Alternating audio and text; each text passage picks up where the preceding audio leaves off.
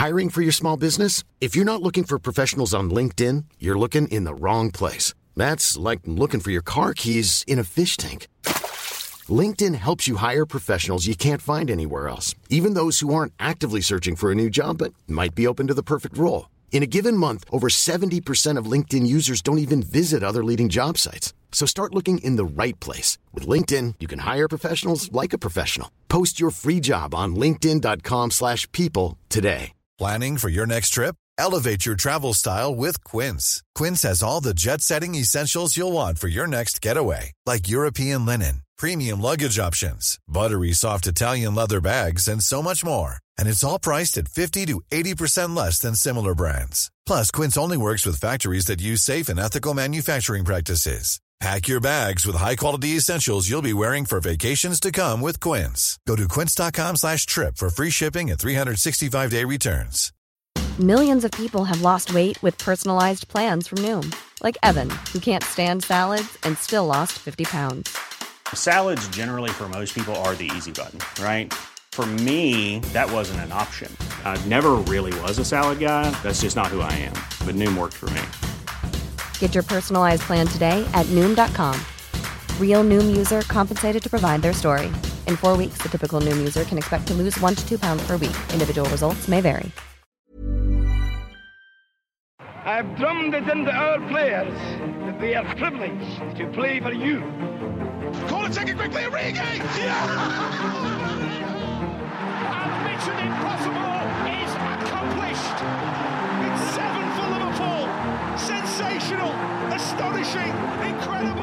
Du hører på Pausepraten, en podkast fra Liverpool supporterklubb Norge. Til tross for nok en tidligkamp vant Liverpool oppskriftsmessig mot Everton, og i toppen av Premier League-tabellen er det nå tett som bare det. Arve Vassbotn heter jeg, og med meg i Liverpool.no pausepraten i dag har jeg Torbjørn Flatin og Arild Skjæveland. Jeg må innrømme at da jeg så den etter hvert så mye omtalte kampen mellom Tottenham og Liverpool, så klarte jeg ikke annet enn å tenke på hvor mye bedre Liverpool egentlig var enn det laget, selv da med ti mann og så ni mann. Men nå ligger de på toppen av tabellen, ubeseiret, godt hjulpet av alt som skjedde i den kampen. Før vi går løs på Mercyside Derby og andre ting her, tror dere Spurs er det real deal? Altså, nå er vi ni kamper ute i Premier League-sesongen.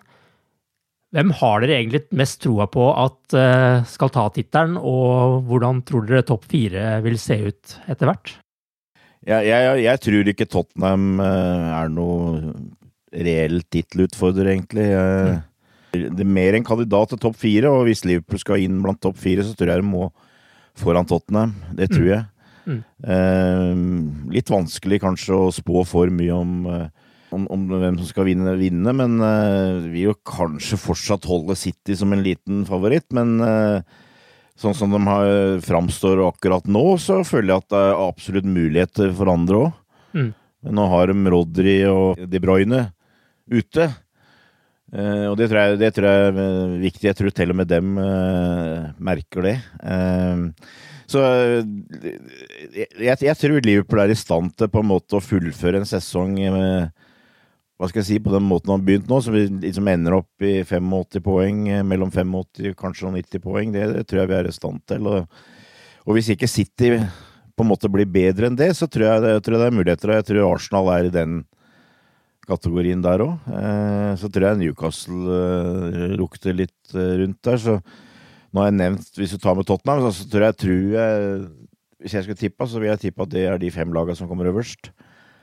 Eh, så har du et par sånne luringer som eh, sliter litt lenger ned, som Manchester United og Chelsea og sånt, men jeg, innbiller meg kanskje at dem i hvert fall har litt for mye å ta igjen etter hvert her. Eh, så, så jeg, jeg, jeg, vil gå der, men akkurat nå så ser det ut for meg som en jevnere sesong enn det har ofte vært, og at her, her kan det være muligheter for et, et lag som får flyten. og og, og finner, eh, finner, det rette laget, for å si det sånn. Så, men, men, eh, Spurs tror jeg fortsatt er litt for tynt når det gjelder eh, stall og kanskje på enkelte plasser òg, selv om du skal ikke undervurdere at de har fått fått en god start, fått en god stemning. Eh, ja, har de jo en veldig fordel òg med at de spiller bare én kamp i, i uka. Ja, ja, ja. Det er jo et Liverpool poeng, i kanskje. 2014 og Leicester i 2016 og Chelsea i 2017. Så det er nok en stor fordel å slippe Europa, men eh, jeg håper i hvert fall at det er for tynt. Akkurat Tottenham. Jeg, er- jeg er litt bitter fortsatt for den kampen i, for snart en måned siden, så jeg håper i hvert fall at det ikke blir det hvis det ikke skulle bli oss, eller ja. Nei. Mm. eh, de skal vel òg miste noen spillere til Afrikamesterskapet og Ja. til Asian Cup òg, så det er spesielt sånn vil jeg vel savne det i Tru- Jeg tror de har en relativt tøff periode snart òg.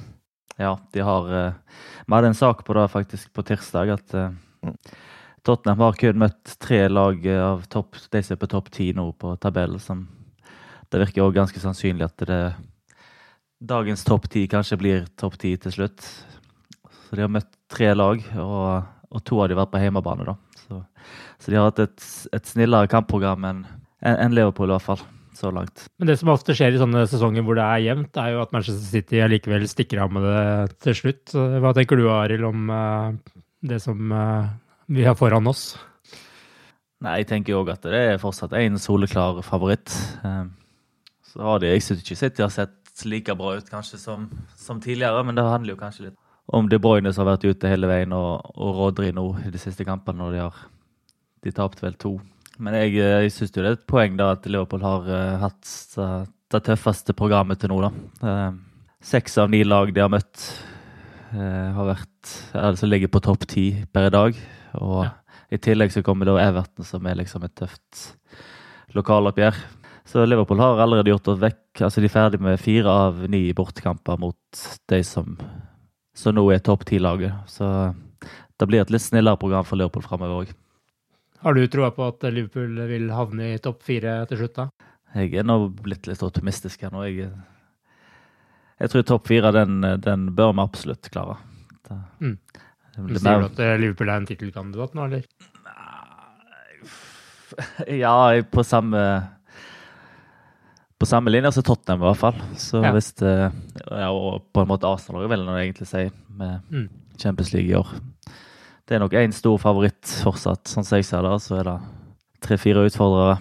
Men det er jo uvanlig, sånn som du sier, at uh, altså, vi har spilt ni kamper og City har tapt to allerede. Det er jo ikke akkurat eh, vanlig kost. Nei, Det er jo veldig kjekt å se at de, de kan ha sånne dager som mot Wolverhampton f.eks. At det plutselig kan komme et sånt bananskall for dem. Det hadde vært veldig kjekt hvis det ble en sånn sesong igjen, der det var litt At de ikke vinner 16 kamper på rad og, og dreper alt som er gøy. Ja. Så skal vi jo selvsagt håpe på at det blir et tap nummer tre etter neste landslagspause, men det skal vi heller komme tilbake til seinere. Men la oss gå tilbake til eh, tidlig lørdag formiddag og det 243. Mercyside-derbyet. 2-0 til Liverpool, to mål av Mohammed Salah. Torbjørn, hvordan vil du oppsummere den kampen? Først og fremst eh, er jeg glad for at det blei tre poeng. Da. Jeg hadde litt angst eh, før den kampen der.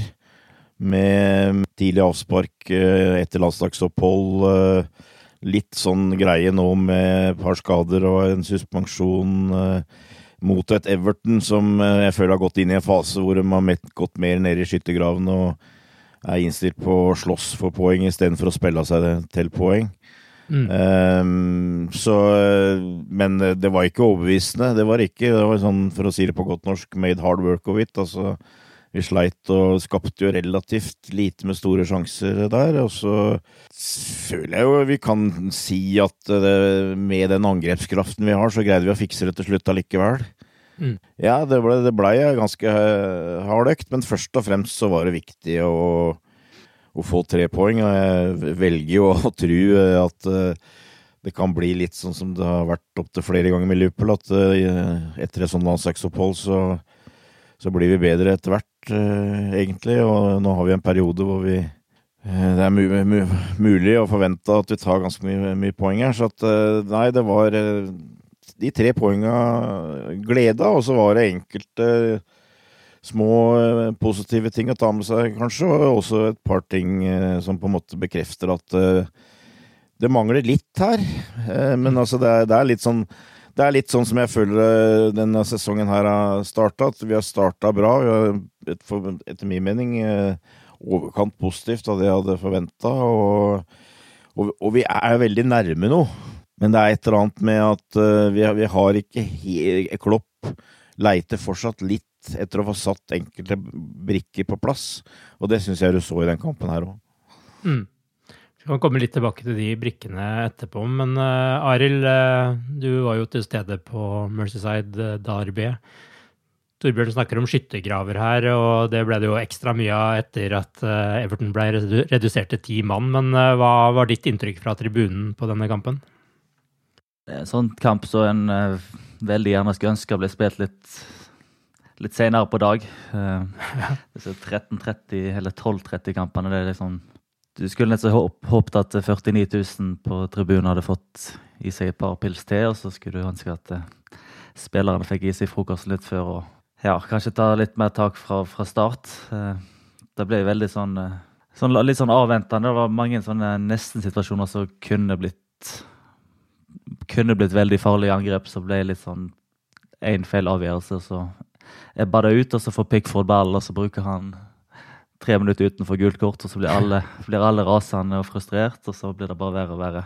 Denne sesongen har det vært litt sånn at Leopold egentlig har våkna først sånn skikkelig etter pause. Det var kanskje ikke helt likt her, men eh, da det så ut til å bli enda vanskeligere kanskje mot, mot ti mann. Men så, ja, så Torbjørn sier det viktigste var bare å vinne den, den kampen der, og at en får den, den straffen med et kvarter igjen og litt igjen tur kanskje med kona til som ikke får rødt kort. Um, mm. Da våkna liksom alle òg. Men uh, jeg skulle ønske at vi, det var en kveldskamp heller mot Everton. så da tror jeg det hadde vært enda kjekkere for alle. Er det noen spesielle spillere du vil trekke fram her, eller noen du vil be skjerpe seg?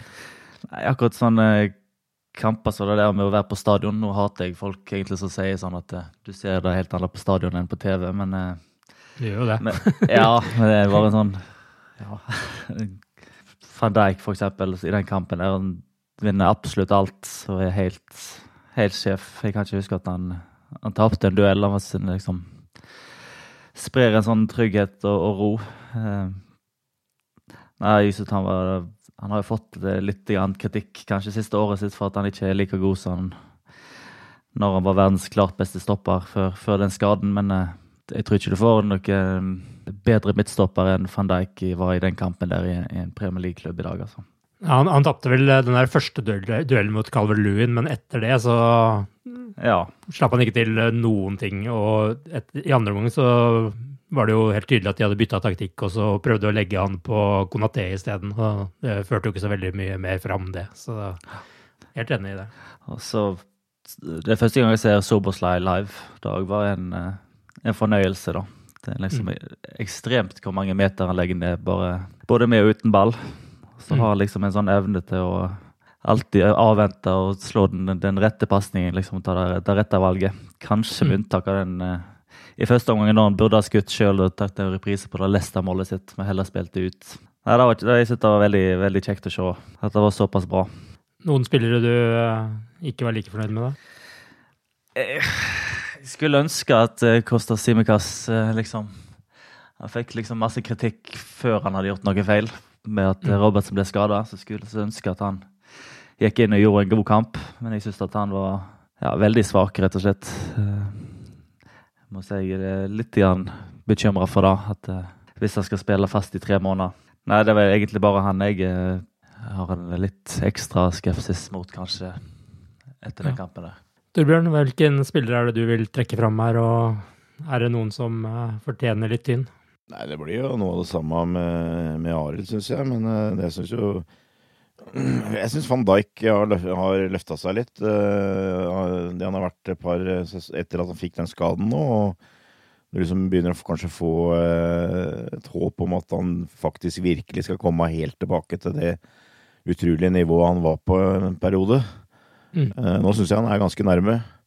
Mm. Um, og det er jo selvfølgelig kjempe veldig positivt, det. det. og jeg, jeg, er blitt egentlig mer og mer begeistra for Gravenberg. Mm. Og med for, forbehold om uttalen igjen. Det, det er Fortsatt så er det nok litt sånn, og det er vel grunnen til at han blir bytta ut av Klopp òg, men eh, det går litt i rykk og napp, kanskje. Men altså, jeg syns han viser en kapasitet eh, med å til, tilvinne seg ballen og føre ballen og, og gjøre ting som, eh, som lover veldig godt. Og så er det en av flere spillere her som du må kanskje finne en spesiell rolle til, da, men eh, jeg, jeg, syns, jeg syns han var Første halvtimen spesielt syns jeg han var god, og egentlig hadde fortjent bedre karakter enn det så mange plasser på børsen rundt omkring. Jeg syns han var en av Liverpools beste spillere, eh, mest positive spillere der.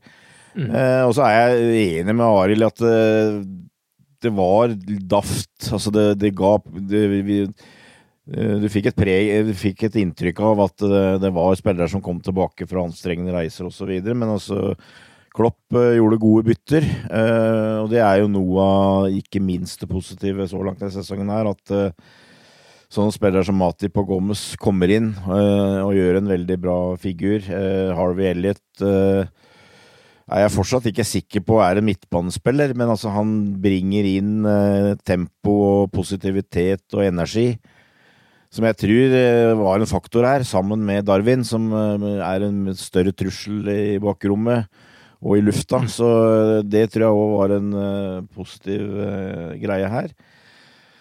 Uh, og så er, er, jeg også enig i at altså Kostas Chimikas er en trivelig fyr.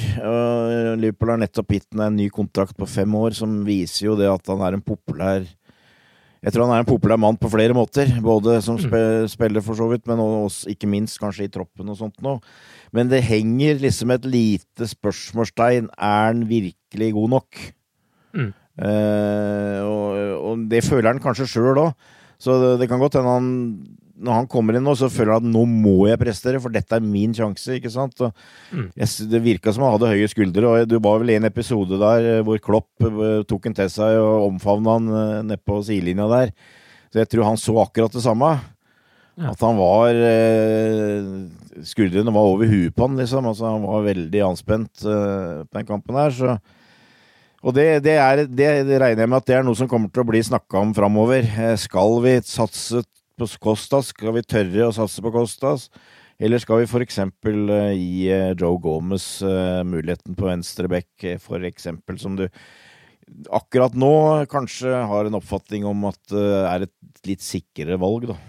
Mm. Det, blir, det, blir, kanskje litt sært å, å, dra fram den ene, men jeg, jeg husker jo den derre situasjonen veldig tidlig i kamp. Altså det var vel ja, etter et minutt, eller hva det var, hvor McAllister mister ballen rett foran 16-meteren det, det, henger litt i meg. Altså, det er den der opplagt løsningen som Klopp vurderer som best akkurat nå, men for meg så virker han ikke helt komfortabel i den der ankerrolla, egentlig. Altså, det, det, det, er et eller annet der. Altså, han eh, Det går på en måte litt for fort for han av og til. Eh, så det, blir kanskje sært å, å, henge opp det som noe, noe negativt med spilleren, for jeg syns han spilte seg opp. Men eh, men det er, et, det er, et, eller annet der. Altså, det er den derre hvem, hvem, som skal sitte bak der og på en måte ha pekestokken, være, være defensiv skjold og samtidig liksom dirigere der. Det, der føler jeg kanskje vi har, vi har ikke løst, på en måte. Og så når vi prater om det at det ikke var energi og sånn, så syns jeg kanskje de, ikke minst eh, de tre på topp uh, var, var skuffende uh, ganske lenge. Men så hjalp det når vi fikk inn nye krefter, nye, nye, energi fra benken. Men jeg liker jo i en sånn kamp som dette hvor man på en måte møter et lag som blir liggende veldig dypt, at man iallfall prøver en del langskudd. Det, det, hadde man jo mange forsøk på i den kampen her, som en måte føler vi har mangla de siste sesongene. Nå skal jo ikke sies at kvaliteten på de var veldig bra alle i denne kampen her, men det var jo et par som var brukbare forsøk. Men, men, jeg liker på en måte at man tør å ha muligheten til å gjøre det, for det syns jeg på en måte man mangla helt tidligere. Mm. Ja, vi har, vi har, mange gode våpen, og absolutt. Eh, men det er, det er, litt med at det går litt for tregt. Mm. Altså, Tarkovskij greier som regel å få kasta seg inn i omtrent det meste på grunn av ja. at det går akkurat litt for tregt. Du mm. må være litt, litt, kjappere, litt mer oppfinnsom, litt lurere på en måte. Du må gjøre litt sånn ekstra greier. eh, for å, for å bryte ned en sånn mur. Ja. Og jeg, jeg blir jo litt sånn forundra når man begynner med korte cornere, når man endelig får corner i en sånn situasjon hvor det blir kort corner, hvor det da blir nytt sånn derre håndballoppsett, hvor man bare står og eh, tar ballen til hverandre utafor eh, 16-meteren der, istedenfor å prøve en ball inn i feltet på en sånn mulighet også. Det, sånt eh, kan jeg jo bli litt irritert av. Men eh, hadde det vært eh, passivt spill her, så hadde man blitt eh, avblåst flere ganger. Litt fordi det var Everton som liksom er Det er vel akkurat det de kan. Mm. Stå og stange ut. Og det beste bildet du får på Sean Dyche-fotball, at du står og stanger ut dødballer. Definitivt. Og det er de jævlig gode på. det skal de ha. Og de var gode i én-mot-én-duellene også. Altså, Sala så ikke ut som han kunne drible noen i den kampen her, på en måte, men han møtte jo gode forsvarsspillere også, da. It's that time of the year. Your vacation is coming up. You can already hear the beach waves, feel the warm breeze, relax, and think about work. You really, really want it all to work out while you're away. Monday.com gives you and the team that peace of mind. When all work is on one platform and everyone's in sync, things just flow wherever you are. Tap the banner to go to Monday.com. Millions of people have lost weight with personalized plans from Noom, like Evan, who can't stand salads and still lost 50 pounds. Salads, generally, for most people, are the easy button, right? For me, that wasn't an option. I never really was a salad guy. That's just not who I am. But Noom worked for me. Get your personalized plan today at Noom.com. Real Noom user compensated to provide their story. In four weeks, the typical Noom user can expect to lose one to two pounds per week. Individual results may vary. Hiring for your small business? If you're not looking for professionals on LinkedIn, you're looking in the wrong place. That's like looking for your car keys in a fish tank. LinkedIn helps you hire professionals you can't find anywhere else, even those who aren't actively searching for a new job but might be open to the perfect role. In a given month, over 70% of LinkedIn users don't even visit other leading job sites. So start looking in the right place. With LinkedIn, you can hire professionals like a professional. Post your free job on linkedin.com slash people today. Hey there, it's Michelle Norris. I'm host of a podcast called Your Mama's Kitchen. When I travel, I'm usually looking for a way to find a taste of home when I'm not at home. And one of the things I love to do when I am at home is entertain. And Airbnb allows me to do that. When I was in California recently, I rented a house that had a great kitchen. And when we were sitting around the table, we're all thinking, we're in someone else's house. Someone could be in all of our homes as well. If you have a home, but you're not always at home, you have an Airbnb. Your home might be worth more than you think. Find out how much at airbnb.com/slash host.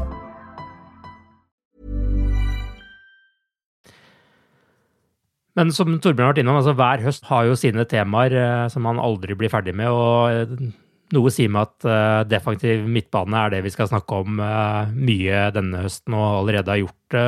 Torbjørn har jo lufta sin mening om Alexis McAllister, men eh, hva er løsningen her? Altså, hva tenker du, Arild? Er det McAllister som skal fortsette der, eller skal man ha inn Endo, eller er det Gravenbæsj, eller hvordan skal man løse dette her? Vi hadde jo en, et leseinnlegg på trykk i dag som lanserte van Dijk i den rollen. Det er, det er mye muligheter her, tydeligvis. Så hva tenker du? Nei, akkurat det der med å se kamp på TV og live, akkurat det ballmistet til McAllister fikk ikke jeg med meg engang. Så det, så det er vel forskjellen. Men eh, jeg klarer ikke å bli klok på det. Eh, det er liksom to, to gode kamper der en, en glemmer det litt, og så er det en kamp som er middels, og så er det snakk om at uh, McAllister ikke kan spille sekserrollen igjen. Mm. Eh, mitt inntrykk er at det er så lenge han har folk rundt seg som eh, og der alle liksom gjør, gjør jobben sin til punkt og prikke med, i press og sånn, så virker det som det har fungert, eller klarer i hvert fall å dekke over de, de svakhetene han, han har. Um, nå har jo Curtis Jones vært suspendert. Um, jeg syns det så Eller nå kan det være at det er korttidsminnet mitt, men jeg syns det så ut som det fungerte veldig bra når Curtis Jones uh, var på sida av han med, med presspillet hans. Nå er han suspendert i en kamp til mot, mot Forest, så da blir det et tema det igjen. Men eh, jeg skulle ønske at eh, Endo kanskje så litt, litt mer klar ut enn han, han har gjort. da. Eh, når det kommer liksom noen kamper der det kanskje ikke blir så synlig hva, hva svakheter McAllister har i en sånn eh, i en sånn rolle igjen, der han skal ha ball omtrent, omtrent hele tida, kanskje. Nei, jeg uh, skulle jo kanskje håpet at vi hadde en litt mer en spesialist i, i rollen, men uh, per i dag så ser vel McAllister ut som det beste alternativet. Syns du Gravenberg ser veldig, ser veldig bra ut med ball og alt dette, men han ser kanskje mer ut som en, en offensiv midtbanespiller enn en en som skal legge dypt. Apropos det å se kamper live. altså Gravenberch er en sånn spiller som man virkelig ser når man ser kampene live. Synes jeg. Altså han, han, har en sånn egen aura rundt seg som man ikke helt får fram på TV, bare for å nevne det. Men eh, Torbjørn, du har jo vært litt innom McAllister og den eh, rollen her. altså vi, vi, glemmer jo fort, uh, vi som følger med på fotball, men Fabinho trengte også en halv sesong før uh, mm. spillet virkelig satt. Men hva, hva, tenker du Klopp skal gjøre her? Skal han liksom bare fortsette mm. å prøve inn McAllister, eller skal han gjøre noe grep her? Ja, det er vanskelig. Altså, jeg syns jo både, både McAllister uh, Gravenberts og ikke minst Soboslai har jo hatt en veldig bra start. Det var dem som starta nå. I tillegg så har du Endo, som du sier. Vi har Curtis Jones, vi har Bajketic i bakgrunnen, vi har kanskje Tiago. Mm. Eh, så det er mange å velge mellom her. Det er mange muligheter. Mm. Eh, hva som er ideelle, det, det, sliter jeg veldig med sjøl òg. Altså, jeg tror, føler jo at eh, det, Jeg er litt, nesten litt overraska over at Endo ikke har starta mer, men eh, eh, samtidig så har jeg en oppfattelse av at han egentlig ikke har helt det nivået vi ønsker. Uh, men uh, at det er, er der det spiller. Og så er jeg jo igjen enig med herr Skjæveland at, at det, jeg syns det funka bra med Curtis Jones. Og det, og det, forteller meg kanskje lite grann at uh, skal, skal McAllister spille i den rollen der, så er det viktig at han har hjelp bakover. Mm. Og muligens, med de spillerne vi har nå, så ville kanskje det ideelle vært å ha to som sitter. Mm. Og så har du da i tillegg den der mulige rollen med, med Trent, som jeg syns har spilt litt mindre i, i midten nå. I en sånn der hybridrolle hvor han hjelper til fra bekken. Jeg syns kanskje det har vært litt mindre synlig akkurat nå, men det er jo på en måte en, en mulighet der, da. Men da, da er du usikker på åssen funker det på høyresida i Forsvaret. Så det er, det er, liksom eh, Det er ikke lett. Nei. Eh, jeg er veldig usikker på hva jeg egentlig mener om det, eller hva som jeg ønsker. Men eh, jeg, jeg, bare, jeg bare på en måte konstaterer at jeg syns ikke det helt er ideelt og ikke funker. Mm. Eh, men det er godt mulig at uh, Klopp tenker litt sånn som du. At uh, hvis vi gir McAllister litt tid, mm. så vil det i hvert fall bli bedre. Ja. Nå går det jo rykter om at han André kanskje kommer i januar, han brasilianeren. Uh, kjenner ikke jeg så kjempemye til han, men han, det er vel en sånn type som er bra til å på en måte kontrollere kampen og tempo. Er en aggressiv type, kan du si. Så kanskje det er noen noe planer der. Jeg veit ikke. Men, eh, men, det er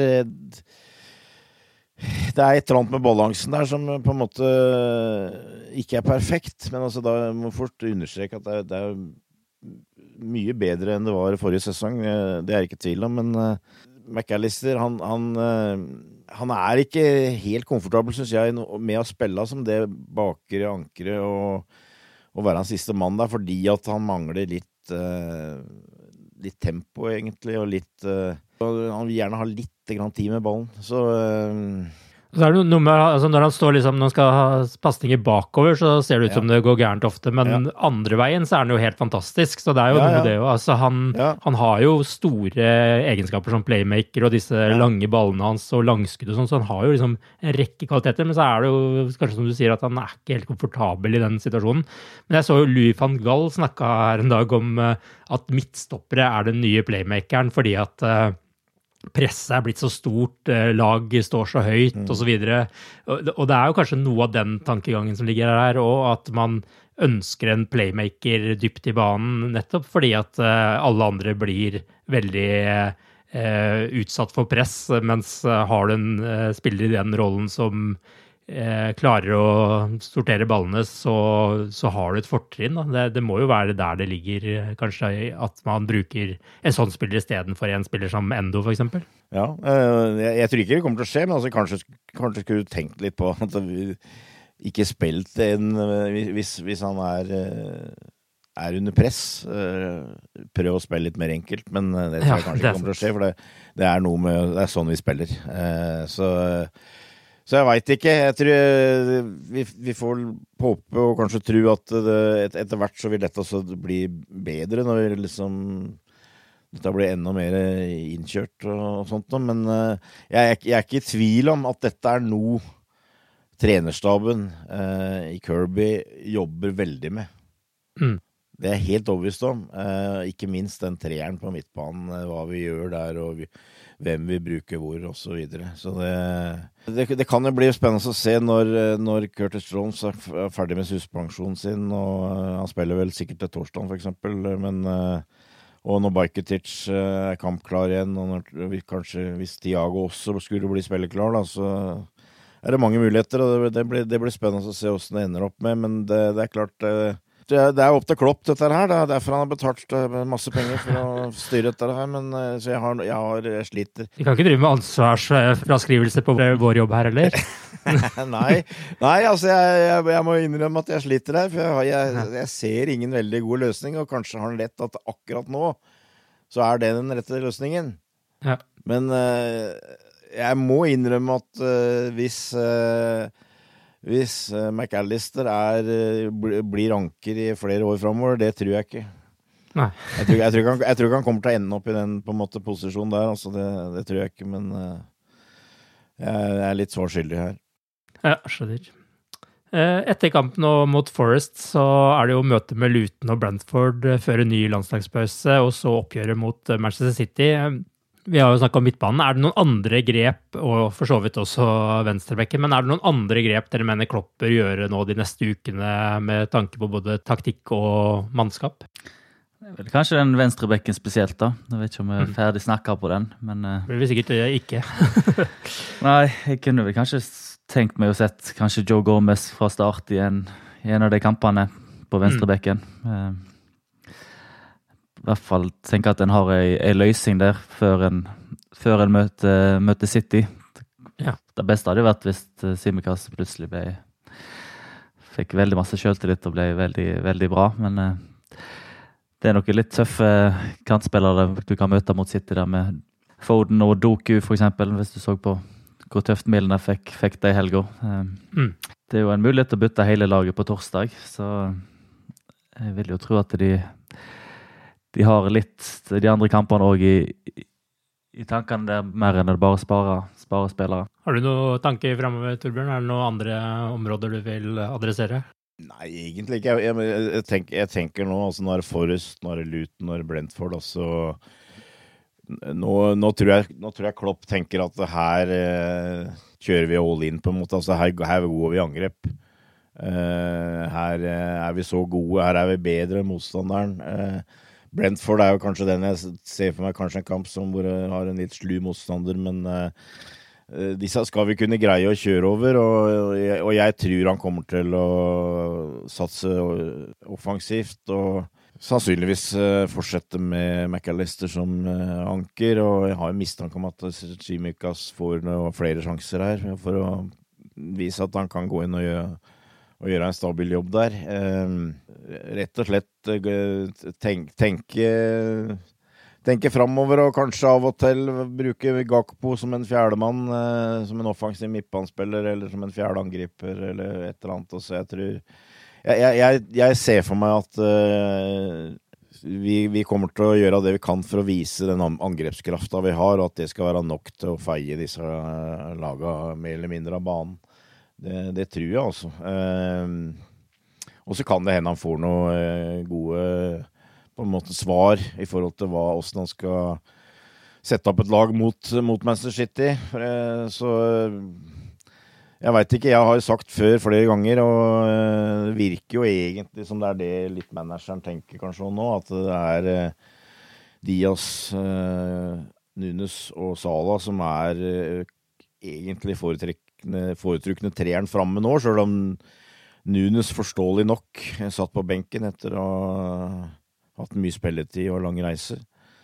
Eh, så jeg, jeg, tror jo det. Og så har vi, har vi veldig fin mann å sette inn i Gakpo. En intelligent spiller som kan spille i flere posisjoner og, og sånt noe. Så har du Yota, som jeg og ser for meg blir litt sånn eh, superreserve utover sesongen, egentlig. Som du kan sette inn, og som er i stand til å, å påvirke de fleste kamper, egentlig. Så det, det er vårt første, største fortrinn, og det tror jeg kommer til å legge vekt på nå. Så har vi et par gode offensive midtbanespillere i tillegg, så jeg, jeg, tror ikke han kommer til å gjøre noen sånne spes, spesielle grep. Men det er klart, hvis Kostas gjør en en dårlig match eh, til, for, for, å si det sånn, så kan det nok fort hende at, han, at det seriøst så blir det vurdert at uh, Joe Gomez kommer inn der. og det, det, det, er en sånn liten tanke jeg har. altså Det var jo mye snakk om uh, Joe Gomez her. Er han god nok og greier? Han er, Vi må beholde han, for han er engelsk, og det er viktig i liksom, antall utlendinger osv. Men uh, jammen meg så har han blitt en nyttig mann av sesongen her så langt. da. Det er en forsvarsspiller, forsvarsspiller, som kan dekke opp i hele bakre fireren. Mm. Så eh, det, det, Han har vært nyttig, så eh, Jeg tror, jeg tror, heller, jeg tror definitivt det ikke kommer til å skje nå, men altså, jeg òg for, for, å bare kaste inn en på en måte mulighet til, da, som vi kanskje ikke pratet så mye om i stad. at uh, Trent Alexander Arnold som fast midtbanespiller, uh, sentral midtbanespiller, jeg ser ikke bort fra at det kommer til å bli en løsning etter hvert, men uh, da har du på en måte høyrebekken som du må løse på. da. Men kanskje er Joe Gomez et mulig svar der. Men jeg veit ikke. Det, det er mye, mye, som svirrer, det, det, det, er det altså. Men først og fremst så tror jeg Klopp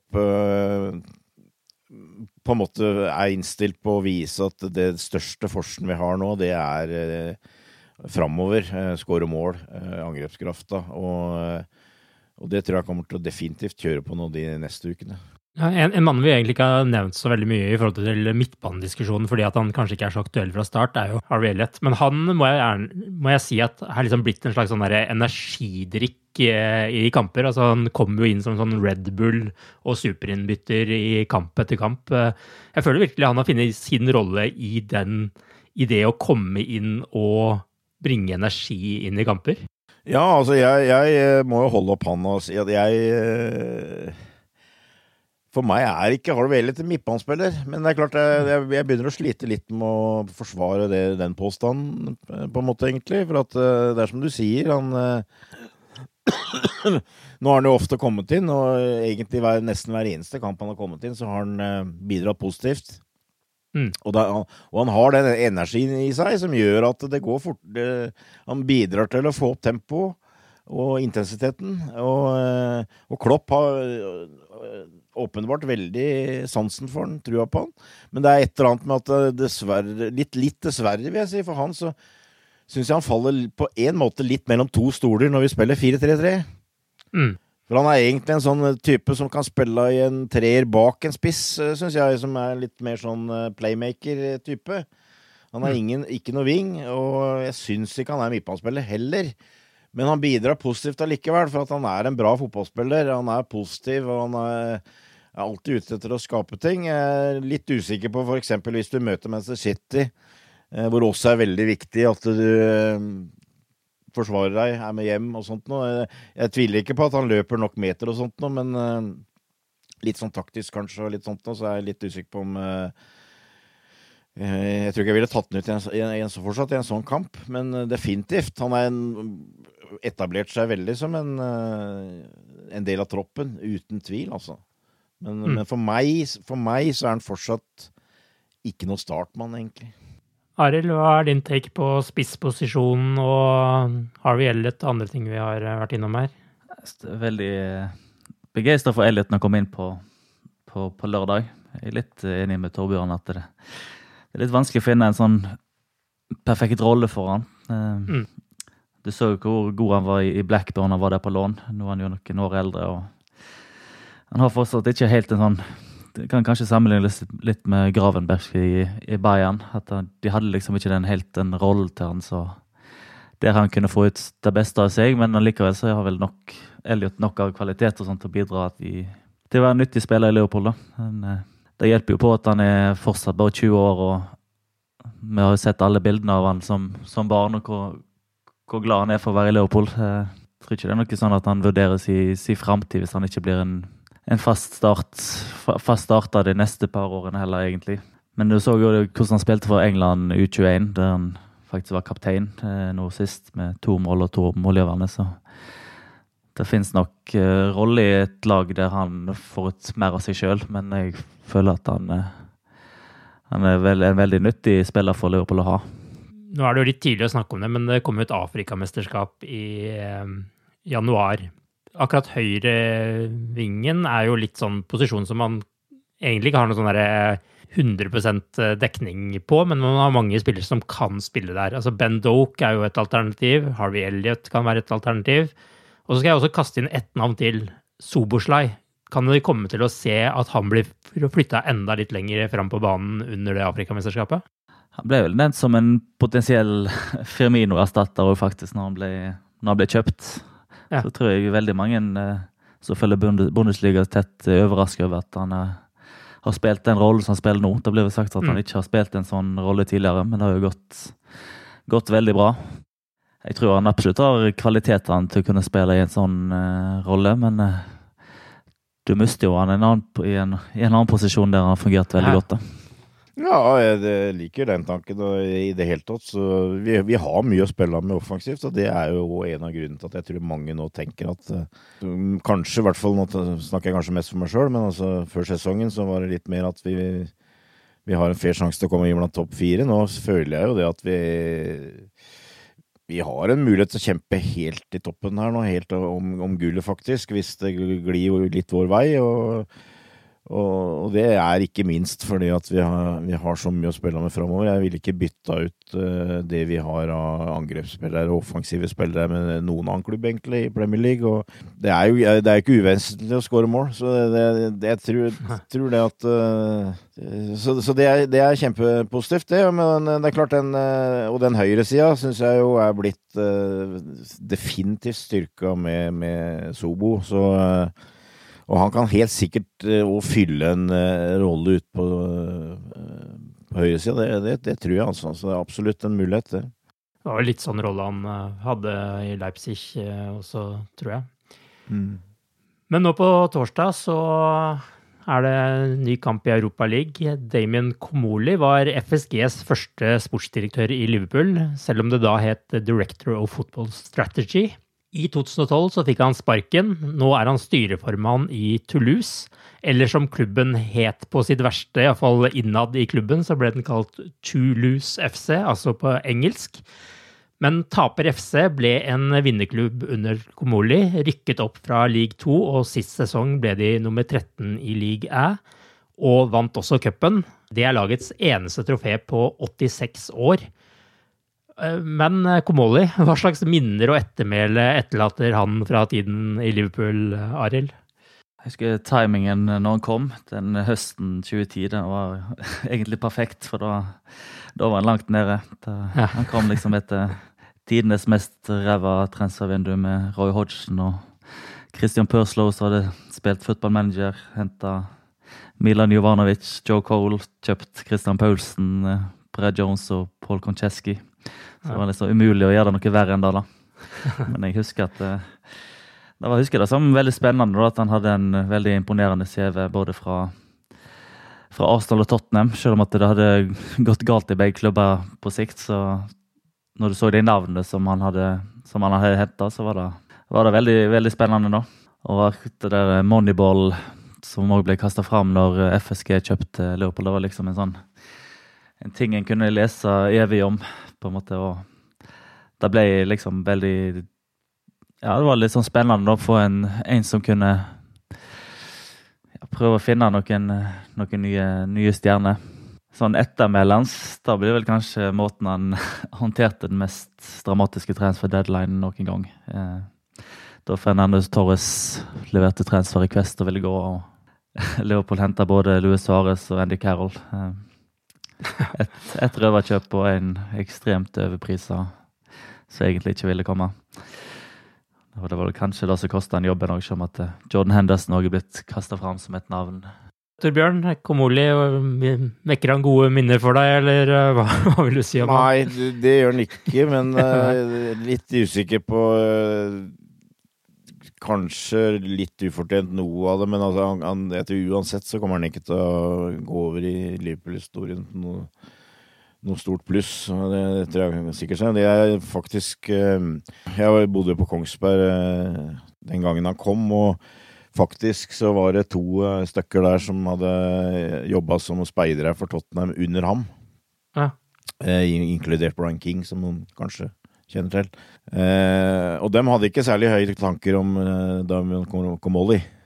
Nei. Eh, men det gikk på at han var en sånn type som eh, Hvis det var noen som henta inn en god spiller, så var det han som tok krediten og sånt. Og så han var liksom en litt slu fyr sånn, at han likte å sole seg i glansen og det som var bra. Så nå var jo han ansvarlig sjef, så han kunne vel kanskje delvis gjøre det, men altså, han var ikke noe flink til å gi, gi kreditt til den som egentlig hadde gjort jobben, ifølge de gutta der, da. Og de mm. mente at han var en høyst uh, middels uh, speider. Uh, og en, en, dårlig på en måte teamleder, da. Og det, det, føler jeg kanskje gjenspeiler litt av det jeg gjorde. Jeg hadde faktisk òg en litt annen opplevelse. Jeg, jeg sto på uh, akademiet en gang og så på en juniorkamp. og Da sto jeg faktisk ved siden av han. Mm. Og uh, da så vi Raheem Sterling, og da, han var 15 eller 16. Og da, da pratet han om det at hvis denne gutten her eh, blir skadefri, her, så blir han som player. Sånn, og det, det, må jeg jo gi ham rett i. Ja.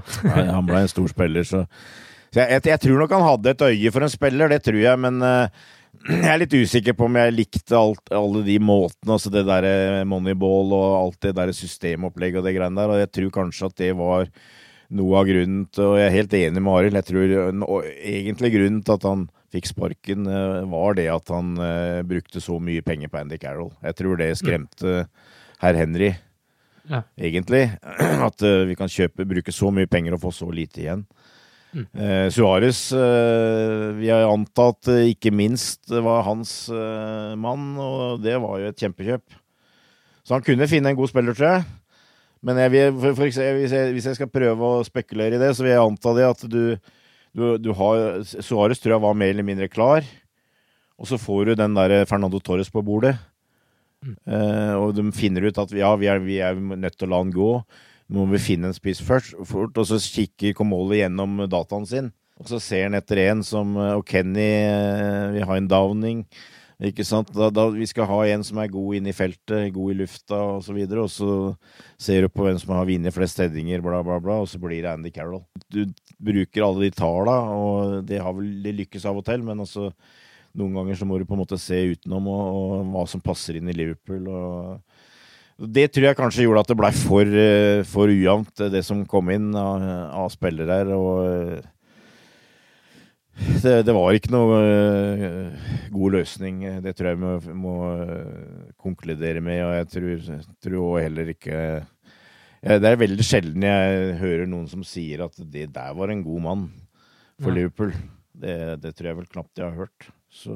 Det som skal sies, er jo at han uh, fikk jo Michael Edwards til klubben i 2011, ja, og som i sin tur igjen henta Ian Graham og sånn. Så, sånn sett så var det jo på en måte starten på det teamet som ble bygd opp, eh, som har funka godt etter hvert, selv om kanskje Komoli ikke var rett mann. Jeg snakka jo med en som heter Rory Smith, som er journalist i New York Times, som har skrevet en bok om eh, datarevolusjonen i, i, fotball, som på en måte mener at Komoli har fått et ufortjent dårlig rykte fordi at han antageligvis var litt tidlig ute med en del eh, tanker som eh, og systemer som egentlig ikke helt var klare ennå mm. til å tas i bruk. Og der ligger jo kanskje noe av utfordringen, at han, han er nok en mer en uh, person som måtte så mulighetene, men kanskje ikke helt visste hvordan man skulle bruke de helt uh, ennå. Mm. Og, det, og det, har han jo på en måte, Men han har jo ikke gitt opp dette med tall og moneyball, han. fordi at i Toulouse så er det jo helt tydelig at de har tatt det til det helt ekstreme. Altså, det var jo en sak i Telegraph her hvor uh, et, etter denne Altså etter å ha både rykka opp fra league 2, de lå jo nesten nederst der eh, i 2020, og så kommer de på 13.-plass sist sesong og vinner cupen, og dermed er med i Europaligaen i år og skal møte Liverpool nå på torsdag. Men etter den sesongen så får altså manageren sparken fordi at tallene sier at han skulle ha endt på 11.-plass, ikke 13. Så de, de, er jo helt ekstreme på å styre etter tall der.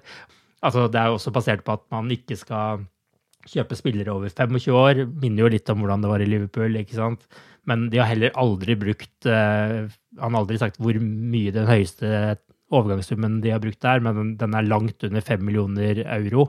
Så, så, det er jo kanskje en mer sånn klubb som passer han i forhold til å drive moneyball i en helt annen skala, på en måte, med å bare finne de spillerne som statistisk sett passer, og da på et litt mer sånn middelmådig lag. Det passer kanskje bedre for Komoli, men han har på en måte fått gjenreist seg selv litt ved det han har fått til eh, der, tror jeg, da. Og kan i hvert fall virke sånn.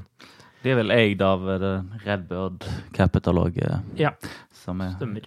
investor i Leopold. Ja. Mm. Så de har vel fulgt den modellen kanskje enda litt mer ekstremt, høres det ut som. Veldig. Det, det, det, er det. Men vi får vel satse på at det ikke er nok til å slå Liverpool allikevel, selv om de har uh, gjort uh, bra under uh, forholdene om lavt lønnsbudsjett. Selve kampen på torsdag skal vi ikke snakke så mye om nå. Det blir litt kort levetid på podkasten før den kampen spilles. Vi høres igjen i neste uke. Inntil da så bør du også høre på vår podkastdokumentar om eh, våre store managere. Vi har sluppet to episoder om Bob Paisley, og har tidligere publisert fire episoder om både Jørgen Klopp og Bill Shankly. Og så kommer også King Kenny etter hvert. Inntil neste gang, ha det bra så lenge. Ha det bra. Ha det. Up to Reds.